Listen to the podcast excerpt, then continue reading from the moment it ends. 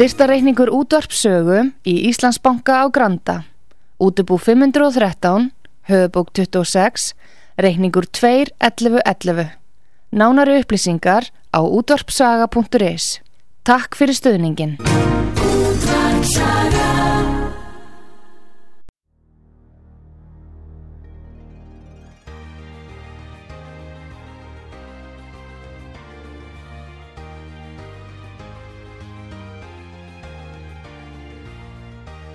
Heimsmálinn í umsjón Pétur Gunnlaugssonar.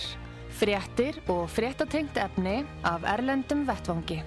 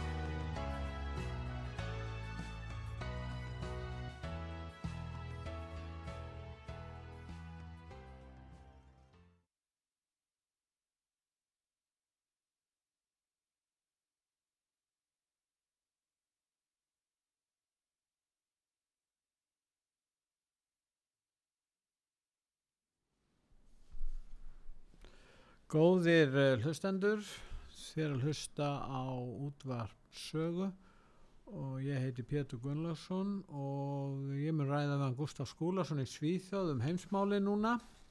Sæl, Gustaf. Já, kondi marg blessaði Pétur Nú, og hlustendur. Já, við ætlum að byrja í hérna í bandaríkjónum eða þar að segja fjármála veiran, hún er þar að þvælast um á milli bankana og, og, og spurning hvort að hún komi yfir til Evrópu og alheimsins. En um, það er þannig að þetta hefur verulega áhrif og því leiti það eru margir bankar hérna 186 sem eru geta verið taldir í, í fjárhalsvanda en Já. þá segir fjármólar á þeirra bandaríkina Janet Yellen hérna sem var fyrirverandi selabankarstjóri og hún segir að það eigi engöngu að bjarga stóruböngunum þar að segja reglan um að tryggja einnigstæðir gildir um stórubankana en ekki hýlna þetta þýðir það að, að, að viðskiptavirði farið þetta með einnigstæði sínar á stórubankana ef þeir eru triðir Já, nei, það er, sko, það er verið þessi regla með að sko, of stóri til að fara á hausin en, en samt voru þetta nú ekki þannig stóri banka þó við væru svona millistóri en, en, og gríðarlega miklu peningar í húfi náttúrulega en e, það, það er skísla sem er nýlega byrt efnarskísla 13. mars og e, sem er á heimasíðu sögu þar sem kemur í ljósa 100 eins og þú nefndir 186 bankar eru í hætt, hættu sagt, á hættu svæði og eh, sko það þeir hafa sett fordæmi með því að ríkið hefur sett fordæmi með því að tryggja þessa bankar sérstaklega. Og þá býst, býst fólk við því að ef þið tryggið einhverja banka allir bara peka út þessa banka og svo ekki meir. Þá finnst sögum að það sé búið að setja fordæmi og þetta er náttúrulega gilda bara fyrir alla banka.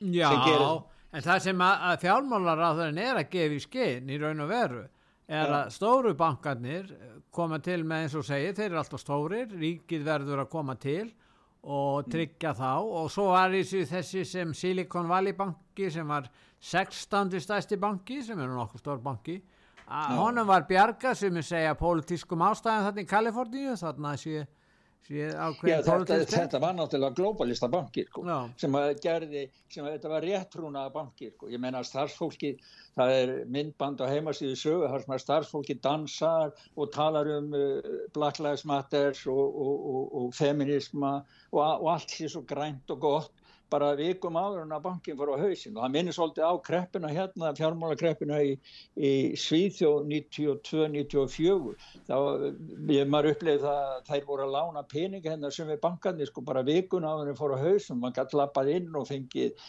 bíl, húsnæði og, og síðan fullt af peningum á, á bankakontónu og ekki þurft að borga neitt, fekk bara leikilina og svo bara lappað þannig að, að sko en málið er og það er það sem allir eru hættur um hvað þýðir þetta? Og í bandaríkunum hafa þeir verið sko unnið alveg hreint myrkran á milli til þess að reyna að læja öldunar en það dögði ekki til því að SIS er SIS kredít einn virðulegasti banki og einn af stórbönkum heimsins. Einn virðulegasti banki Sviss sem var stofnar 1856 með setur í, í Súrik Já. hann er hrunin og það voru, hafa verið sko ennþá meiri svita, hræðslu, kost og neyðarsamningar og fundir núna um helgina, allt gert til þess að koma í veg fyrir algjört hrun á fjármálamörkuðum, ekki bara í bandaríkjunum og í Sviss heldur bara út um allan hinn vestrana heim. Það, þeim tókst að gera málið þannig með þessum neyðarsamningum í Sviss að það er tryggt sko UB, mann gælu hvað hann heitir hann heitir UBS bankin, uh, svistinski bankin sem samti um að kaupa Credit Suisse. Já og gerðu neyðarsamningur og, og þeir keiftan sko, sjáðu þetta Credit Suisse. Andirri Credit Suisse fyrir tveimur og síðan. Það var um eitthvað 14.000 miljardar miljardar hérna sænskara krónu, ég veit ekki hvað er mikið íslensku en bankin var keiftur á 45 miljardar 45 af 14.000 þannig að ansi mikil eigna mingun en sam, í neðarsamningnum þá var, var gerðið þannig skilmáli að Sælabanki Sviss allar og, og, og Ríkistjórn Sviss allar að tryggja þá þessum upp í banka hana sem tekur yfir kreditsis endalust öll verkfæri selabankans og endalösa peninga, alla peninga sem þau þurfi og þetta vonust þeir til að myndi læga sem sagt öldunar í morgun en það gekk ekki því að kreditsis e, fjallum meira en 20% síðan í gæður sko. Já. Og, e, e, já, eða, nei, ég, bitur nú, ég er í vittlur sem fjettið með þetta hérna kredit ég var að setja inn eina frétt um þetta nefnilega heima síðan býtunum við það var í forviðskiptu núna þá lakkaði hlutu kreditsvið sem heil 62% og UBS lakkaði í forviðskiptunum líka um 5% ja. þannig að og það eru sko kreditsvið þetta er stórbanki með yfir 50.000 starfsmenn og nú verða sko þúsundur, jáfnveil 20.000 að þeirra látni taka póka sinn og verða aðdjónulegsi. Já, síðan er í raun og veru svistinarska stjórnin að grýpa inn í og gera þessi yfirtöka veruleika og veita böngunum sérstaklega undan þó frá því að bera kaupin undir hlutafa.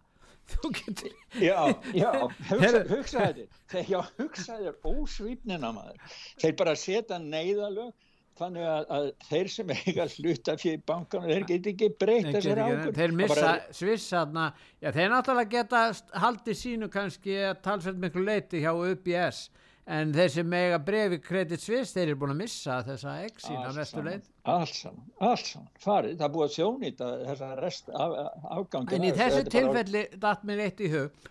Sko nú var kredit svissi koma fjármögnu Nord Stream gasleislunar. Getur það verið ykkur tengslar á millin?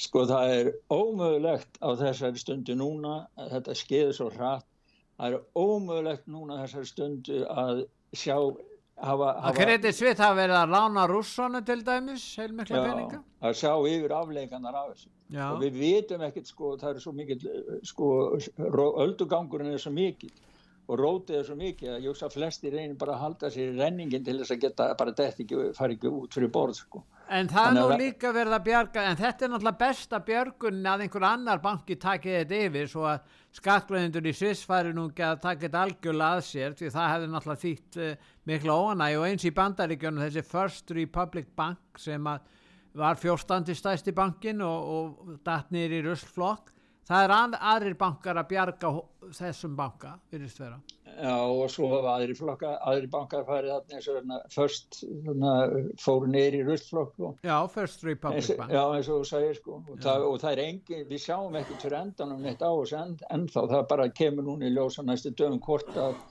þessar aðgerir hafa verið það stórar að markaðnir verður rólir en það er annað, annað í þessu dæmi líka, það er ég var að, var að hlusta núna á uh, myndband sem sæði frá því að allþjóða galdeirisvara sjóðurinn er farin að æfa, æfa neyðar viðbröðu alheims e, fjármálakreppu þar sem að þeir taka yfir. Það er markmið ekki opinskátt en, en samt undirbú, í undirbúningi að það verði gjald sko að, að rafmynd Raf, raf, þá fyrir Svíð og rafkrónur fyrir Ísland og þá sem er með krónur en það verði stafræn mynd að selabankar komi á stafræni mynd ef allt fer úrskeiðis. Og það er stóri draumi glóbalistana því að þá náður efnæslu fullvöldu af öllum ríkjum í heimu og þá verða bara selabankar uh, selabankarnir í viðkomandi ríkjum sem að fara með fyrirskipanir selabanka selabankana sem er eh, Bank of International Settlement í Basel í Sviss sem er eitthvað alls Nú það er með þarna á vefsíðun okkar uh, hérna pistil um umræður um, um hvað menn þurfa að vita um bankana í Svíþjóð. Og það er, uh, segð okkur frá þeim. Andreas hvað, Andreas Konvika heitir já, hann. Já. hann hann er, takk hann að fram hérna á skermin hjá mér Hann er einn allsnjallasti fjármálaskrýpend í uh, Svíþjóð og hann vann mikið hjá Sannska Dablanu, hann hefur skrifað meðan hann skrifaði réttöfundur hefur gert leikriti, fór að vara leikriti á hann þar sem var sínt inn í bankarskrifstofa sem allir voru í vola fallum fötum í byrjunum en svo þegar það var að fara að kíkja á þetta þá hrundu bítar úr fötunum þeirra. Þannig því hann afklætti alveg sko, svindlið í böngunum eins og það er í dag. En hann skrifaði mjög góða grein. Ég er sko áskrifandi að brefum sem hann sendir út. Hann sendir út frettabref svo ég snaraði einu frettabrefnu yfir á íslensku og hann er, byrjar á því að útskýra það sko að, að sko hvernig þetta virka til dæmis eins og að ef allir, hann ber líkir í sama við IKEA ef allir viðskiptavinnarnir færi sér hægur og hættu allt í hann að kaupa bill í bókahilluna þá myndi IKEA til er að sögunni til 48 tími síðar sem að var eins og gerðist með Silicon Valley sem var upp á 100-200 miljardar sænskara króna og á förstu daginn 0, bara 48 tíminn setna, þetta er svo stórar upphæður. Sko.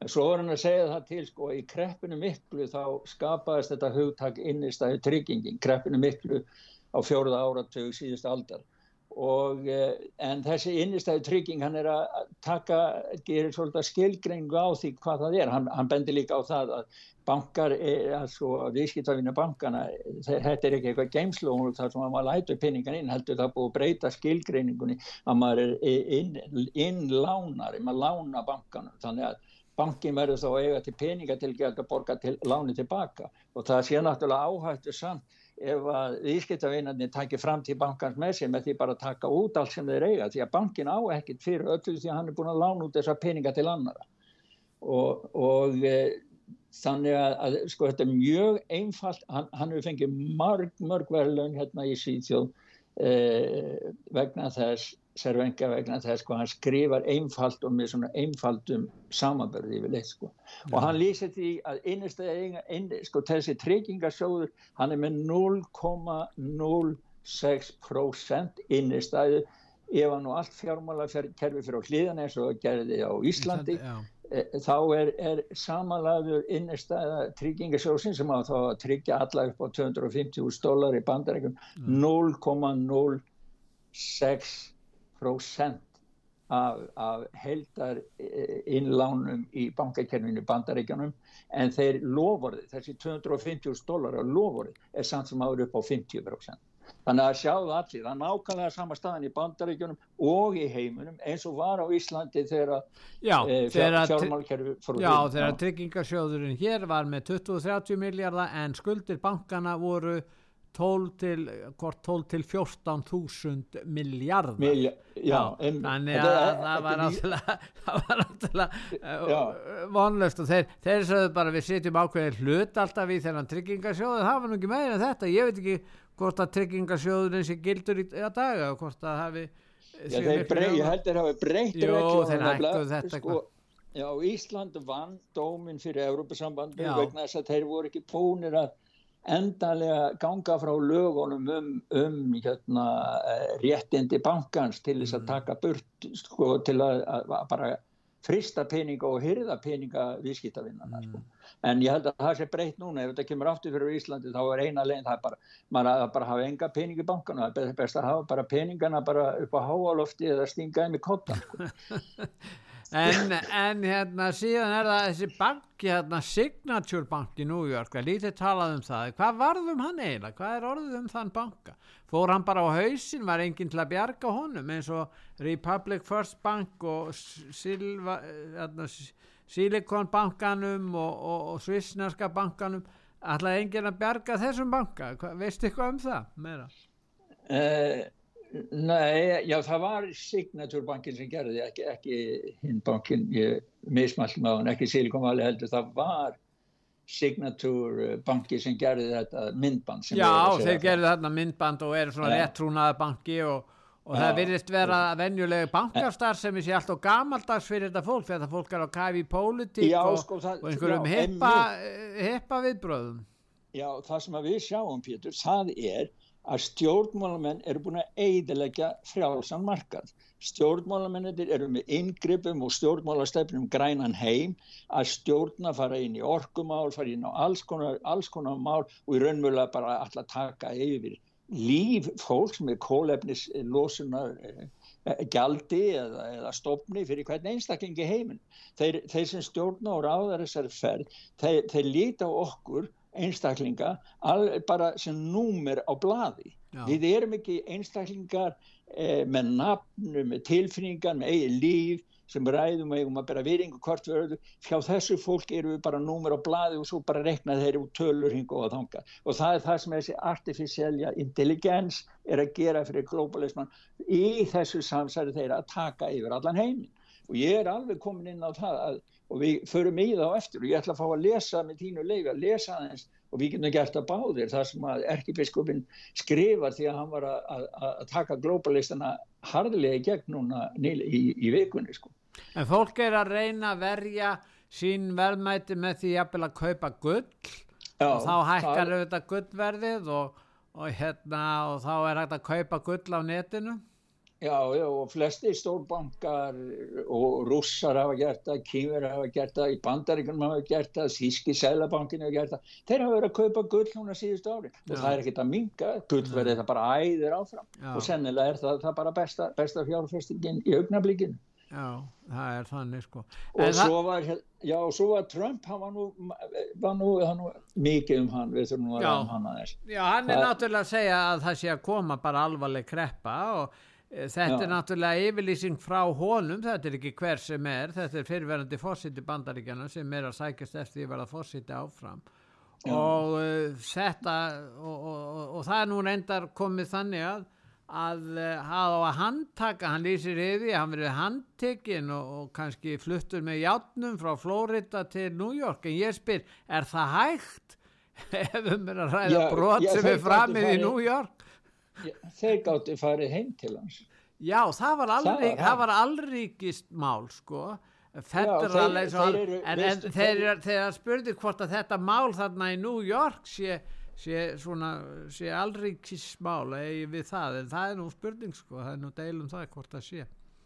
En ef það já, er ekki þá geta þeir ekki handtekið hann í Flórida þeir þurft að fá samþyggi já Flórida eh, fyrir því vantarlega það er ákveðin framsalsferðli á milli fylgja í ákveðnum málum held ég. Já, já, þeir sko, ef það kemur hand, reglan í Flórida er svo, ef það kemur handhugu skipun frá einhverju öðru fylg í bandaríkjanum um einhvern aðla sem er statur í Flórida, hvort sem að búið er ekki, þá er, verður Flórida framselja viðkomandi til þess sem er Já, er það verður að fara fram formleg, fra, formlegt framsal Já og, og, og hins vegar getur fylgistjórin stöðvaða og farið fram á að rannsók verið gerð innan Flórida ríkisins þá í málefninu á ef að viðkomandi neytar að fara. En, en mál er það þetta er sko, vakið sko, þetta er vakið svo mikla úlfu í bandaríkanum það er allt fullt af umræðu núna núna er, er fórsetið þingsins að fara út og róa fólk og passa ykkur og það búið að auðvisa mótmæli núna út um heldur öll bandaríkin á morgun því að Trump sagði, fór út á, á, á samfélagsmiðsins Truth Social og sagði það að, að hann er það handtekinn á morgun.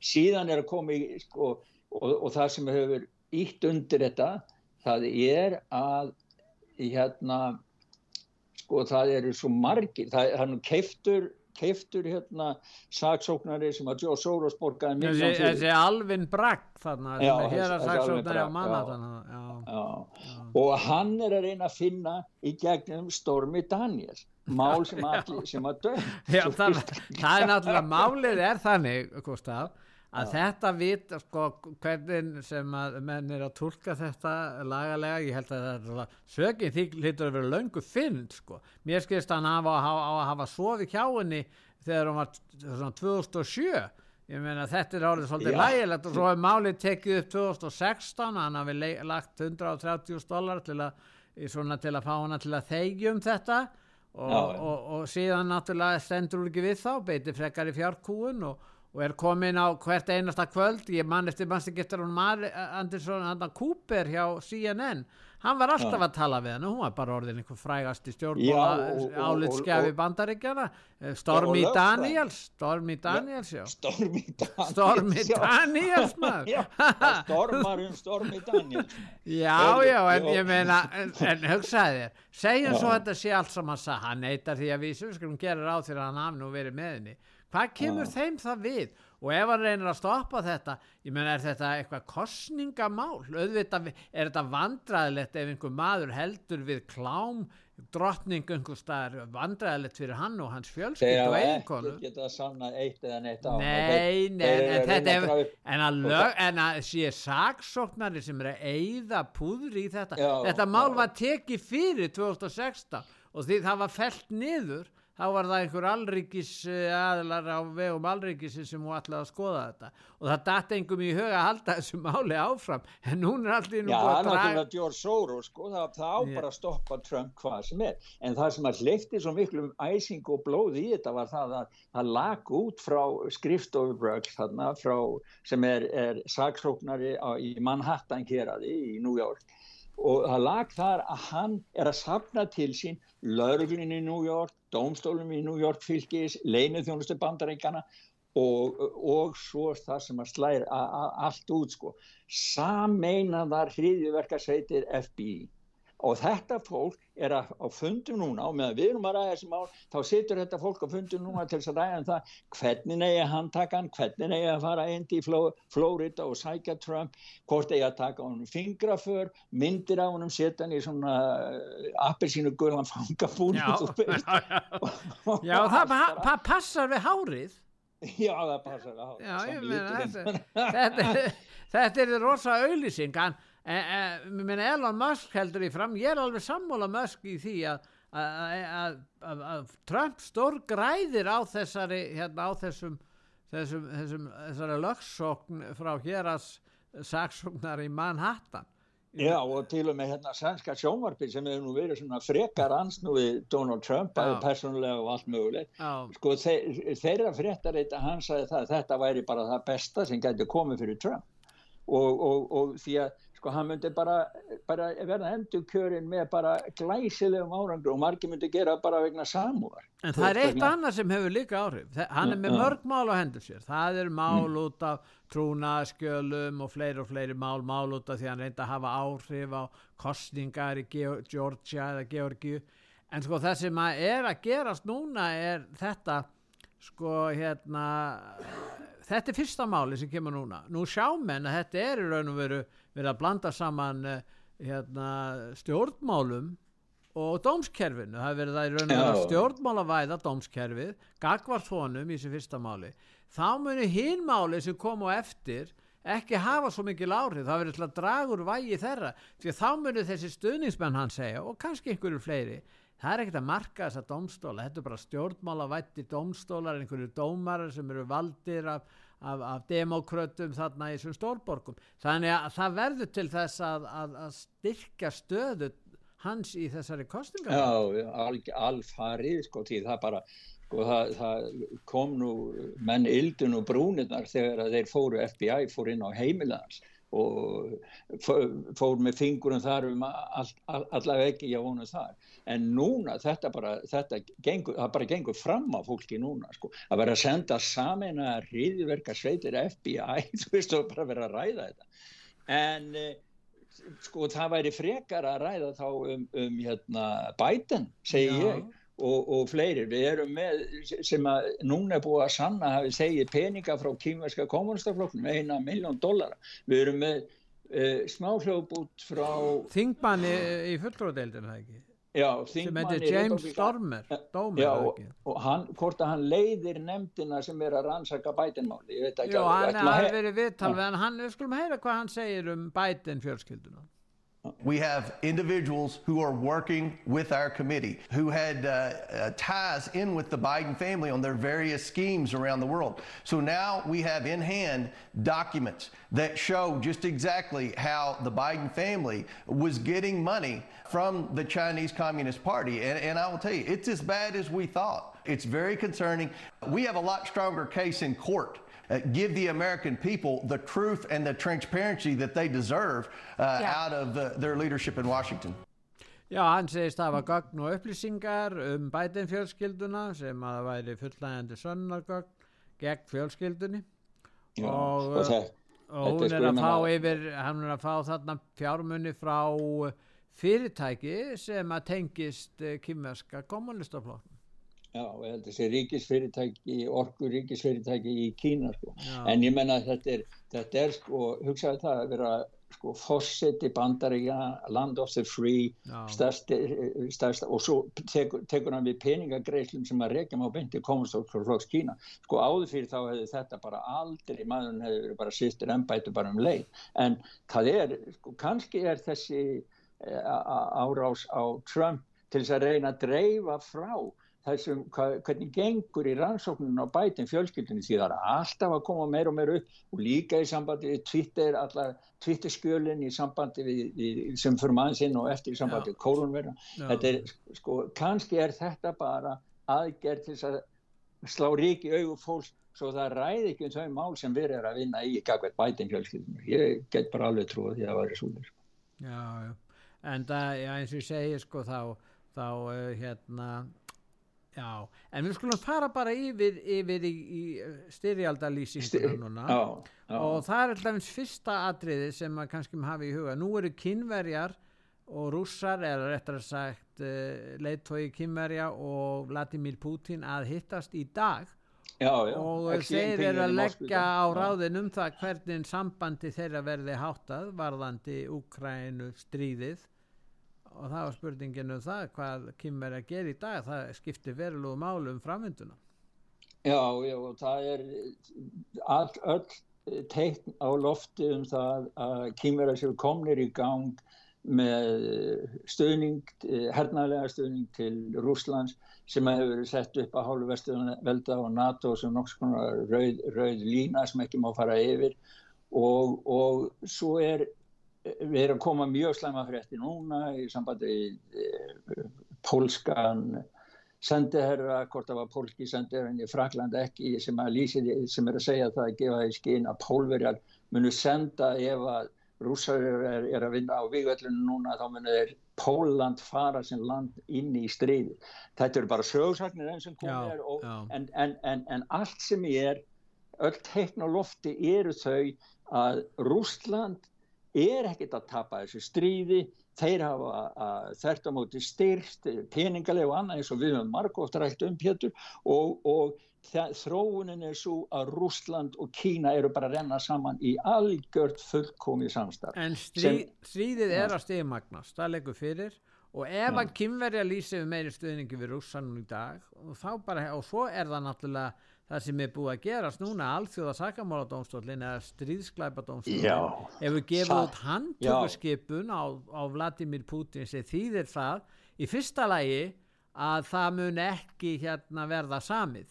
Eh, Putin getur, telur sig ekki geta samið ef hann er uh, með handtökurskipun á sig sem, sem styrsklæpamaður og, og hérna og Já það er annað í þessu, Korki, Úkræna nýja Rúsland eru aðilar að domstól Nei, sko, Úkræn er ekki dom, og ekki bandaríkjan, reyndar ekki Ísrael heldur og ekki Kína. Þannig ég veit ekki hvað tilgangi sko, vi, vi, Já og bandaríkjan menn hann þarna John eh, hvað er þetta fólk John Bolton, já, John, já, John Bolton, Bolton já. sko það er mjög sérstakt eh, fyrirkomulega á milli bandaríkjana sem þjóðar bandaríkja fórsetta til alþjóðsakadómstólnsins í hag. Við erum með tvo hljóputa, eitt frá sjálfum fórsetta dómstólnsins þar sem hann er að lýsa yfir handtökuskipnina á Hann heitir Pjótr Hómanski held ég. Já, og þar á eftir þá getur við hlusta á John, John Bolton, Bolton frá bandaríkjana þar sem hann er að lýsa sko, sem ég held að fólk bara hafi ekki hugmynd um samskiptunum á milli bandaríkjan og dómstólsins. Við skulum fyrst hlusta á hérna fórsita dómstólsins ICC dómstólsins og síðan hlustum við á John Bolton. The International Criminal Court has issued two warrants of arrest in the Ukraine situation for Vladimir Putin, President of the Russian Federation, and for Maria Lvova-Belova, Commissioner of the Russian President for Children's Rights for the alleged war crimes of deportation of children from Ukrainian occupied territories into the Russian Federation.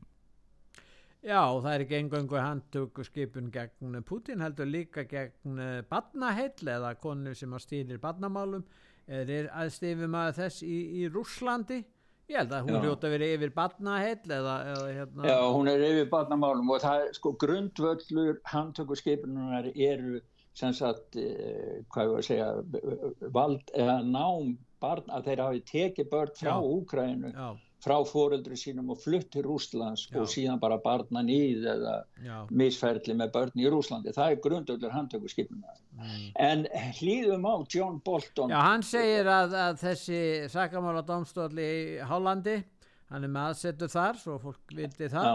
hann sé ólögmættur domstól og að, hann segir að bandaríkinn hafi bara rétt á að ef að domstólinn handtekur einhvern bandaríkjaman eða einhverja aðra þarna þá geti bandaríkjaman ráðist þar inn og sótt bara hérna hérna grunum með herrvaldi, það er sérstaklega bandaríkjaman fyrir fórstöndu bandaríkjaman að gera. Og það er ekki bara bandaríkjaman eins og þú segir heldur líka ríkisborgarar bandamanna bandaríkjana Þetta er stórmörkin. Við skulum heyra hvað John Bolton uh, segir.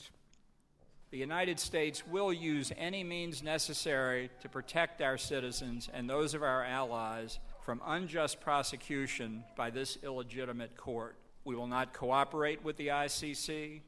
We will provide no assistance to the ICC, and we certainly will not join the ICC. We will let the ICC die on its own. After all, for all intents and purposes, the ICC is already dead to us. Já, John Bolton fyrirverandi öryggisráðgjafi bandaríska, já, fórsita bandaríkjana hann var bara skýr þarna engin stöðningur og uh, þeir líti á þetta sem ólögumættan domstól og þeir munu ekki hafa neitt neina samvinnu eða samstarf við þetta, þessa stofnun. Og, og Human Rights Watch þeir útskýrið það meðal annars þá ætlaði þessi domstól að rannsaka stríðskleipi bandaríkjamanna í Afganistan og það var náttúrulega ekki gert. Því að ef þeir hefði gert það og byrjaði að handtaka einhverja bandaríkjaman eða lýsa út handsökurskjöf bandaríkjaman þá hefði bara bandaríkja herr verið sendu bara inn í hag Já, já, þetta er svolítið sérkenlegur stríðsklæpa domstól, það verður nú að segja það eins og er. Hann hefur já, ekki mikið á þegar hann hefði einhver áhrif í ball eða eftir stríði í Jugosláfi á vísu Já, já, en maður spyr sig sko því að þeir eru ekki með eigin herri eða lauruglega neitt, hverjir er eiga framfylgja dómum alþjóða sakamála dómstólsins? Jú, þá segir dómstólinn alþjóða samfélagi verður að gera það, það er á, á, á hlutverki alþjóða samfélagsins að gæta lög og regla í heiminn. En ef að aðilar eins og Bandaríkin, Rúsland, Kína, Úkræn og mér skilst fjöldi annar ríkja er ekki með. Ekki, ekki kleima Ísræl. Já, og Ísræl, já, Ísræl. Þeir vilja ekki. Þeir já, vilja hva, ekki. Hvað er þá eftir af, hvað slags alþjóða samfélag er þá eftir sem að sjá um, um lögskipun dóma, dómstólsum? Já, það er góð spurning, það, það, það er spurning, Malta kannski, ég veit ekki. Já, kannski. En Ísland. Ísland. Já, Ísland. En, en, en þannig er, er sko yfirleitt að gerast, það var þessi njósnadróni sem var rapað í Svartahafið og og Lindsey Graham sem er öldungadeilda þingmaður hvetur bandaríkinn bara að skjóta niður rúsneskar herþótur Já, já hann, þetta var búin undir að hann talaði í einhverju sjónastætti sko, hann er, hann er bara, hann veit bara stríð, fyrir bara stríð við rúsa, bara skjóta hann niður, drepum hann, drepum Putin, drepum hann alltaf, það er hans bóðskapur sko. en, en e, það sem við vorum með núna í sambandi frá sko, frá hérna stríðinu það er að koma mjög slæma frétti frá húkaræðinu varðandi kristna, kristna og kristið fólk. Því, því að e, prestar ég veit ekki hvað það heita, patriákar ég veit ekki hvernig það segja það á íslensku þeir, patriarkanir já, já. já patriarkanir já, í, í ortodox eða réttrúnaði kirkjunni. þeir voru að senda frá sér eh, SOS skeiti til annara kristna í heiminum þetta, þetta, er, sko, þetta er svo sorglegt að maður bara klöknar þegar maður er að hlusta á þetta maður trúir þessu valla, trúir þessu valla ég held að mm. úkrænumenn væri svona réttrúnaðar menn, flestir þeir eru líka katholikar í vesturlutanum nokkur margir, en það já. er verið að bóða þarna bara já, ákveðna stefnu, guðleysi stefnu Já, þeir eru að útrýma ortodox kirkjunni, þeir eru að reka nunnur og presta kirkjunar úr landi, þeir telja þetta að vera handbendi og njósnara fyrir rúsa og, og presturinn hann segir það, þetta er nú bara örlítu biti, biti sem við hlustum á og það er allt bandið, allt hljóðbandið með honum er á heimasíðu sögu. En hann er bara að segja það við erum bara, höfum ekki gert neitt ránt og við byggjum til Guðs fyrir Úgrænu og öllum sem eru hér. En, en við munum sko bara í æðru leysi mæta þeim örlugum með einhverju vilja koma og berja okkur eða gera eitthvað annað, annað vera við okkur. Já þeir er alltaf ekki yfirgefa Úkrænu Nei. Við skulum heyra hvað Patriarkin segir. Today we are in front of uh, the whole world. We show ourselves to communicate to everyone in the whole world that we are Christians, we are Orthodox and we aren't afraid of anybody and anything. We already be here to the end if someone wants uh, to come here and beat us and draw us uh, through our legs and our hands, we are ready. We did nothing against our, our church, nothing against our country, our Ukraine. We pray to God about our country.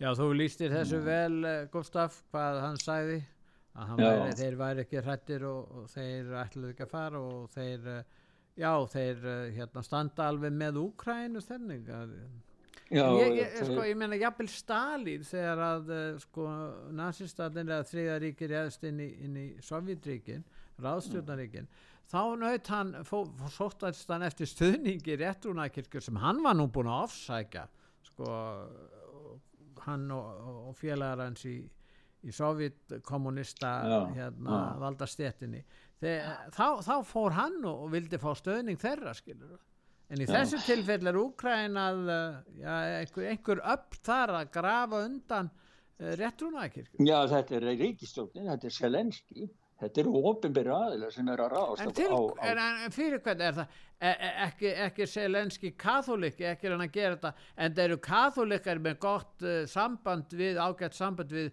rettrúnaði kirkjuna Nei, er ekki bara orðið þannig að selenski hann sé bara rúsa í öllum sko allstaðar og vilji bara hann er orðin bara hrættur um sig og, og þetta er bara sko, útrýmingar herfið að því hann telur á bara að vera rúsneska njósnara Þetta er ekkert flóknar en það. Selenski hann er búin að, að stoppa alla stjórnmálaflokka. Það er sko bara fasismi sem er ræður hans megin og núna er hann að útrýma kirkjunni, ortodoxi kirkjunni til þess að uh, halda sér fríum frá rúsanjósnum. Sko hann sér bara rúsa allstað og að það eina sem fyrir honum vakið það er bara að komast að staði heimstyrjöldina að fá stóru strákana með með stóru græðina sko.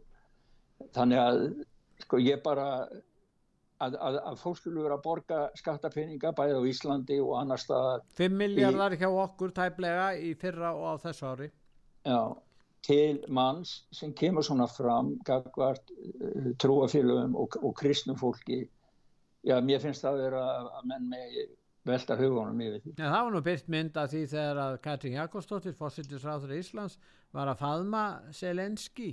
Þannig að Já, er hún Kristinn, Katrín? Nei, hún, hún hérna hún hefur, er ófermt og óskýrð held ég við hvort sé óskýrð en hún er, hún, já, ég held hún sé líka ekki skýrð og ekki fermt Já, þá er náttúrulega særið að hann ekki netti, hún er ekki Kristinn að faða hann sko. Nei, nei. og heldur ekki að borgunum peninga sem að hluta tilfara þá í að útrýma Kristinn í Ukrænu Já, já, já Nú, við ætlum að hlýða núna á auðlýsingar, við gætum nú, hérna, já, við skulum hlýða núna á auðlýsingar, nokkru auðlýsingar og svo höldum við um hræðinu áfram, Gustaf.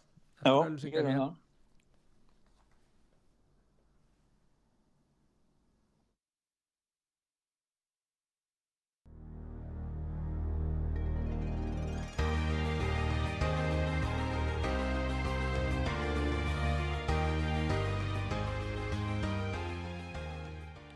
Góðir eh, hlustendur, þið er að hlusta á útvart sögu, ég heiti Pétur Gunnlaugsson og ég er að ræða með Gustaf eh, Skúlason í Svíþjóð. Gustaf, nú eh, þá er verið að rannsaka upphafið eða, já, upphaf uh, koronaveirunar í Wuhan, vantarlega, og já, það er stendur yfir þessi og þingið, fullródeildin samþýtti að, að afla gagna af um, um það, þessi mál og, og, þetta er í fullum gangi og uh, það er verið að fjalla um það að uh, hvort að þessi veira hafi verið uh, sko ákveðin þáttur og áfangi í þróun lífvopna fyrir Pentagon. En það er demið sá frægi hérna sonur hins fræga Robert Kennedy sem var myrtur 1968 í, í Kaliforníu hann heitir Robert Kennedy eins og fæður hans og hann er mjög gaggrinninn á Fauci og er skrifað heil stóra bókum við erum með tvo, tvo, eh, tvo, smá, tvo smá hljóp út af frón hann er sko ég, með einhvern sjúkdóm eitthvað hann, röttin í honum er ef, eftir einhverja sko, inn, inn, lækna meðferðið eitthvað þannig að röttin er svolítið öðruvísi maður er svona leggja við eirun aðeins þess að skila það sem hann segir Já. en hann er með springu kraft í sínum upplýsingum því hann lýsir í stuttumáli þróuninni hvað Fauci var að gera og sko þetta hangir allt saman. Við ætlum að byrja því að hlusta bút nummer 1 og aðeins ræða það og síðan bút nummer 2 og halda svo áfram eftir það sko. Já. So beginning in 2002 Anthony Fauci got a 68% raise from the Pentagon for doing bioweapons development and he got a raise of billions of dollars a year to do it and then he started building doing that's when they started doing all this gain of function and then in 2014 three of those bugs escaped. Já, Já, hann er að segja að hann hafi byrjað hvað 2002 að vinna fyrir hernaðar yfir völd Fauci og fengið gífulega fjármunni til þess og síðan hafi þessi leki átt sér stað hvað 2014 Já, það var í bandaríkanu sko, hann byggði, það kemur fram á eftir, hann var komin upp í átján rannsóknarstúur í bandaríkanum að vinna fyrir bandaríkaherr og Pentagon, fekk alla miljónuna þann til þess að reyka þetta alls saman að vinna að gain og function sem við köllum viðbótar virkni veirunar Já. í því skín að gera hann hættulegri og smitsamari og dráf meiri og um drepi fólk. Og þetta var hann að vinna við og byrja að vinna við árið 2002 heyrum næsta, næsta hann vildi raun og verið flytja þetta til Kína því þetta er alveg svo hættur þetta að hafa þetta hann í bandaríkan já, kom, já, hann sagði þarna 2014 og þá var slís í bandaríkan þannig að veiran fór út það já.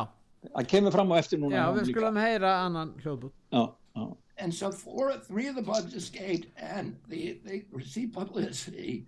Everybody was angry. These bugs escaped and 300 scientists, top scientists sent letters to Obama saying you got to shut down Anthony Fauci because he's going to create a pandemic. And at that time, Fauci had 18 different uh, gain of function experiments he was doing around the United States. But uh, Obama ordered him to shut them all down, but he didn't. He instead moved his stuff offshore to Wuhan, to the Wuhan lab.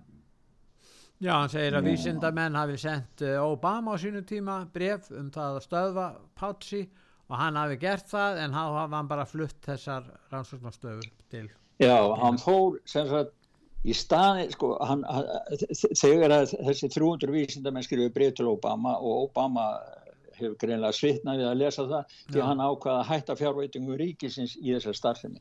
En herin, Pentagon og Fauci vann fyrir þá Já. flutti starfseminna frá bandaríkunum, tóku mér að segja með þessi sama fólk sem var að vinna á rannsóknustónu í bandaríkunum og fluttaði til Kína í Wuhan. Já. þannig að veiran sem kom út frá Wuhan er upprunanlega lífefna vopna tilröðinni bandaríkja hers og hún var flutt frá bandaríkunum til Kína. Þannig hún hefur ekki verið, þeir voru ekki að vinna þetta fyrir kýmverska herin eins og maður held sjálfur og, og var talið upphafi þegar var verið að ræða þetta. Heldur þetta er innflutt líf eða efnavokk frá bandarík En akkur segi ekki kýmverja frá þessu þá? Já, það er góð spurning Petur ef þetta er svona ef þetta er svona að þá væri eðlilegt að kynverjar myndu gera það. En sjálfsagt eru þeir þáttakæður í þessu líka. Þeir eru náttúrulega að leifa þetta. Og það er enginlegt að þeir skulu gera það meða við þessar upplýsingar eins og Robert uh, Kennedy leggur þær fram. Já nema þá að bandaríka hér hafi gert díl við kynverska alþjóði hérinn um það að gefa þeim eh, sagt, aðgang að. Því að því það var líka sjálfsagt skrítið þarna í Wuhan því að herin tók yfir rannsóknarstofuna þar þegar COVID verða að slapp út. Þannig að þeir eru með allar upplýsingar um, um, um þetta efnavótt og, og síðan er það þessi sami Fauci sem stýrir því hverjir er að fá bólefni og út af COVID-19 og, og, og hann hefur stýrt í bandaríkjum haft áhrif, mest áhrif út um allan heim í raun og veru. Já, já og það er, sko, það er, það er svo mikið verið að skammast út í bólefni það bæði núna var, var líðhelsu, fólk getur farið inn á heimasíðan og lesa um það að líðhelsu stjóri Flórida, hann segir var að upplýsa fólk um almenningum það að eftir sjö mánu að þú lætu bólusittaði með mRNA eftir sjö mánu það aukast líkunar á því að þú fáið COVID miða við þá sem eru óbólusettir. Og e, svo var annað hérna eitt hérna í Európa-sambandsþingmaður það er alltaf Míslav Kólukursík hann er að gaggrina Európa-sambandi mjög harkalega fyrir stærsta spillingan heksli í sögu Európa-sambassins og segir að það er, sko því núna eru þeir að brenna skömmtum, það er enginn sem vil taka þetta bólefni lengur. Og það hefði betur, bara þeir hefðu betur aldrei verið keiftir inn þessi skamtar frá upphafi. En svo var annað sem að vera að segja frá sem var svolítið skemmtilegt, eh, það er nú einni við, viðmælandi hérna út af sögu sem hefur komið í þætti hjá út af sögu sem sendiði var að skrifa á Facebook, Já. Eh, hann hérna hvað heitir hann, Guðmundur kalla Kalli Snæ Já, einmitt, hann Kalli Snæ Já, og eh, við norpum svona bara lánaðum það því hann gerði myndband mm. sem var svona svolítið sniðt og þetta er á heimasíðu sögu Já. og það og svo kom hérna eh, var hérna engamál einstaklingur Já, fyrirverandi fjárfestinga hérna bankastjóri. Er ekki Pascal Najati Jú, og það var hún hérna hún hefur líka verið viðtónið hjá ykkur hérna eh, Já. Hvað heitir hún? Erna í? Nei, betur hver er það sem mm, Hún hérna það eru nokkru Kristín Þorman Kristín Þorman, já, já, einmitt hún. Sí, Hún hefur verið viðtalið Já, já, hún hefur sendt greina líka Já, og þar er og úr því, hei, úr því sagt, þeim upplýsingum því að hún fyrirsögnin hjá henni var stórfrétt einstaklingur höfðar yngamál gegn vegna skada sem að hlauta bólefninu þeirra, Já. Pascal Najati Já. og þetta er nú í fyrsta skipti og það er domstóli í bandaríkjanum í New York sem að þarf að taka þetta mál fyrir allavega að lesa yfir skýsluna sko, hundra sína skýslu sko. Svo er það fleira komin og það eru Twitter skjölin sem að fyrirverðandi eigendur uh, uh, hérna ráku uh, fals upplýsingaherrferð yfirvalda varðandi COVID-19 og, og þeir enda að samræma stefnu hérna uh, fjölmiðilsins með við hérna stefnu yfirvalda já, og samfélagsmiðla já, já, en þessi Twitter-skjöl hafa núna verið byrt það er nýra eigandi Elon Musk og hann er að opna upplýsingar og opna fyrir upplýsingar um þetta og þetta er náttúrulega stórmerkilegt hvað er að gerast að, að, að, að hægt sé að hérna leta af rýtskoðun hjá Twitter Já og þeir, sko það sem er, kemur í ljós er öllum sem skjölum, öllum sem skjölum hefur sleppt það var það að áður en að Joe Biden gerist fósiti, var það fósiti þá hafði Twitter svona smá policy eða stefnum það að það er að sanna eða væri svona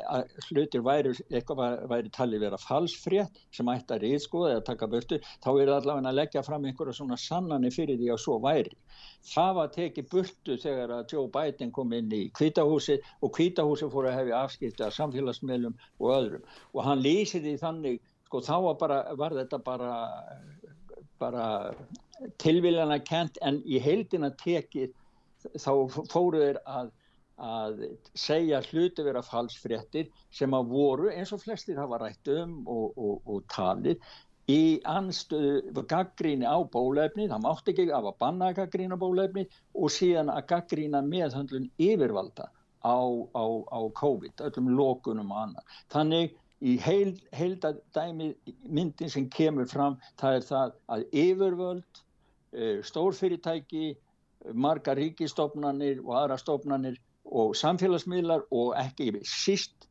fjölmiðlarnir, megin fjölmiðlarnir mynduðu svona nokkur skonar ringi ekku til þess að tryggja að það væri ekki hægt að koma með skoðanir sem að væri anstæða stjórnvöldum. Sem sagt, einræðis dæmið alveg klassist.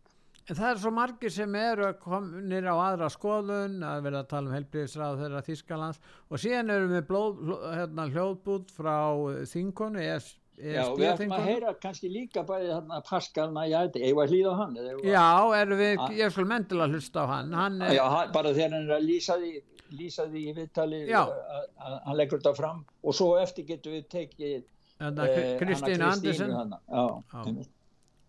And I have some breaking news. You're the first channel to know about this. Uh, I'll read it out to you because it's legalistic if it's okay. Please do. It's New York, Manhattan, United States of America the Supreme Court of the State of New York has assigned a second post judgment against Pfizer Inc., New York, USA, to the Honorable Justice Laurie Sattler. Plaintiff has named Pascal Najadi and PMCPA UK. End of statement. To defend themselves, they would have to prove that the sun shines at midnight. Já, já. Nei, hann segir sko, hann er svo, svo ánægð með að þeir taka þetta fyrir og svo segir ja. hann bara, hann er með svo mikið röka, þeir, ef þeir eiga að vinna hann, þá verður að geta sínt fram að það er sólinn skín á miðnættir. Já, já, það kemur nú í ljós hvernig þetta gengur þarna í New York.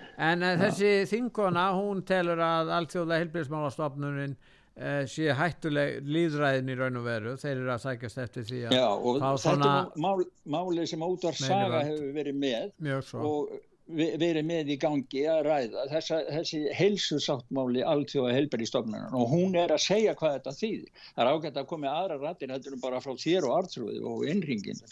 Já. Já, það er Kristíne Andersson. Elected representatives, you no longer, or you, they, they run the risk of not being elected again if they screw up. But a non-elected body, the, the citizens have no recourse and, anymore whatsoever. And this is not how democracy is supposed to work because you are taking away the, the rule by the people for the people. That's what you take away with this. And people need to understand if this treaty goes through, you can bury dem democracy altogether. It's done with.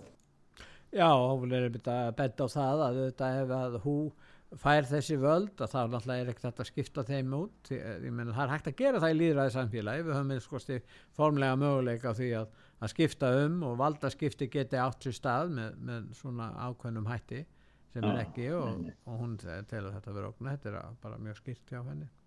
Já og svo er sko hvernig þessi málur öll að breytast. Það var, ég, ég veit að því að hún var rætt um það það var greinum það heima síðu sögum það hvernig heilbríðisraður á Þýskaland Sósaldemokrata flokknum sem að lísti yfir öllum lókunum, bólupössunum og takmörkunum og var illa liðin á mjög mörgum þjóðurum fyrir viki. Hann verður algjörlega snúið í blæðinu en núna að minna að, hjálpa þeim sem að eiga um sátt að binda. Það var heimild í bild, uh, sætung, en, en það var einn innryggjandi sem hingdi hérna inn og sagðist að það var síðan í sjónvarpinu og var eitthvað ósamála því að um viðsnúning hafi verið að ræða en í bild heimildinni frá þér að þar kemur þetta fram.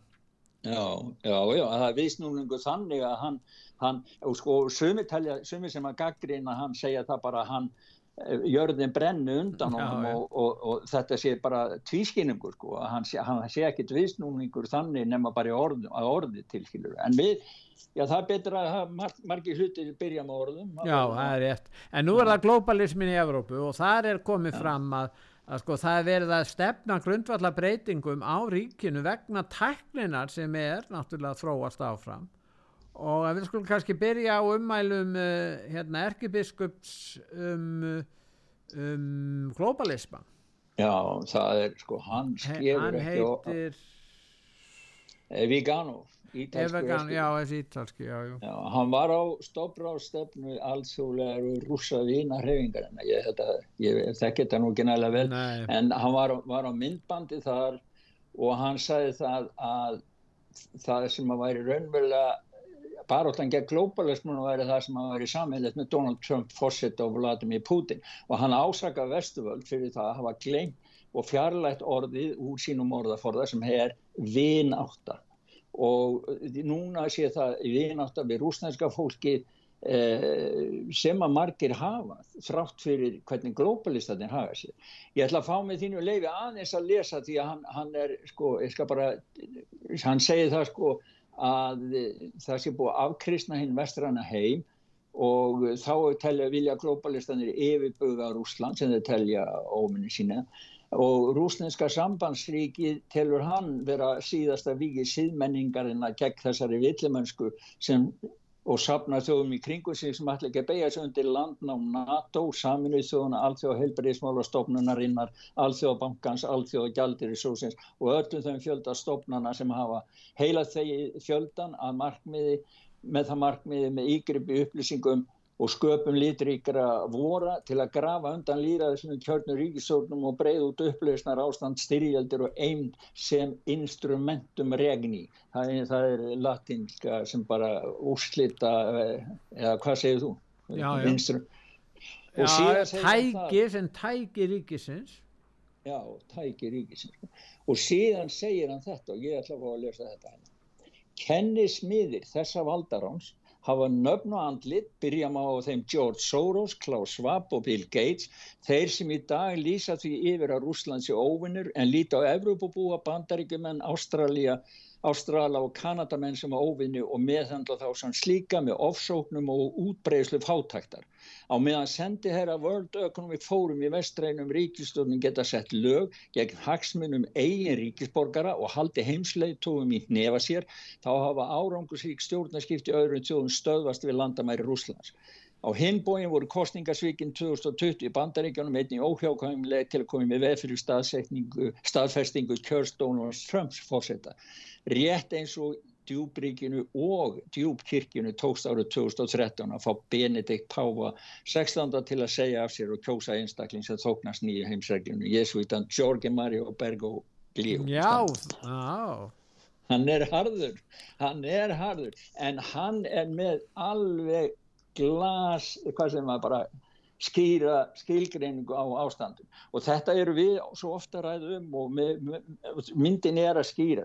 Í bandaríkunum þá vinna þeir sama globalistarnir bæði republikanaflokkum og demokrautum þannig að tækjaflokka kerfi hvað? Það er eitt no. flokkur á móti fjöldunum. Það sama sjáum við á litla Íslandi þar sem eru, við erum stundum að tala um fjórflokkin en það eru globalistarnir það skiptir einhver sko flokks flokkarnir skipt ekki lengur, lengur neinu máli því að átakalínan er á milli þeirra sem að vinna fyrir glóbalísku markmiðin og almennings og þeirra sem búa í landum. En við sjáum það að það er unnið að því að koma á stafrænu skilríki, skilríkjum, stafrænum gjaldmiðli og uh, þeir letaðmis uh, eh, Tony Blair og, og hérna William Hague sem var nú auðvitaðriksráð þeirra, Tony Blair er nú annarkrati en William Hague er íhalsmaður eða einhvers konar nýjarsmaður og þeir já, vilja gera ge, vilja gera, einhver, gera grundvallar breytingar á, á Breskaríkinu vegna tækninar og kannski hlusta á hljóðbút með Nigel Farage sem hann er að lýsa þessu. Well, their latest proposal makes me really, really angry because what they're proposing is that we have digital ID cards in this country. They'll be so convenient and easy to use. They'll be on your phone. They will contain absolutely every single piece of personal data about you, not just your place of birth and mum and dad's name and things like that. No, no, no, no, no. All of your school qualifications, professional qualifications.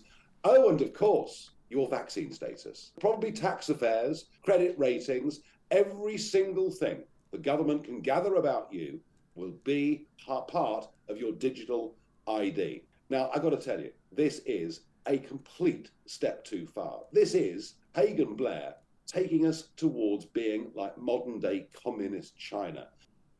Já, hann segir að Blair vilji breyta Breitlandi í svona er í Kína og hérna Já. og það er þessi ráðrænu skilviki sem að mun ekki hafa upplýsingar algjörlega um, all, um all, allar upplýsingar um einstaklingin bæði ja. personulegar uh, mentun uh, starfs, starfskjör og, og, og skattamál og bara allt sem hættir að vita um viðkomandi einstakling Já, en sem betur fyrir Pétur þá eru nú er nú verið að rýsa upp gegn þessum globalista glópum. Eins, eins og bandaflokkurinn í Jæðni í Hollandi.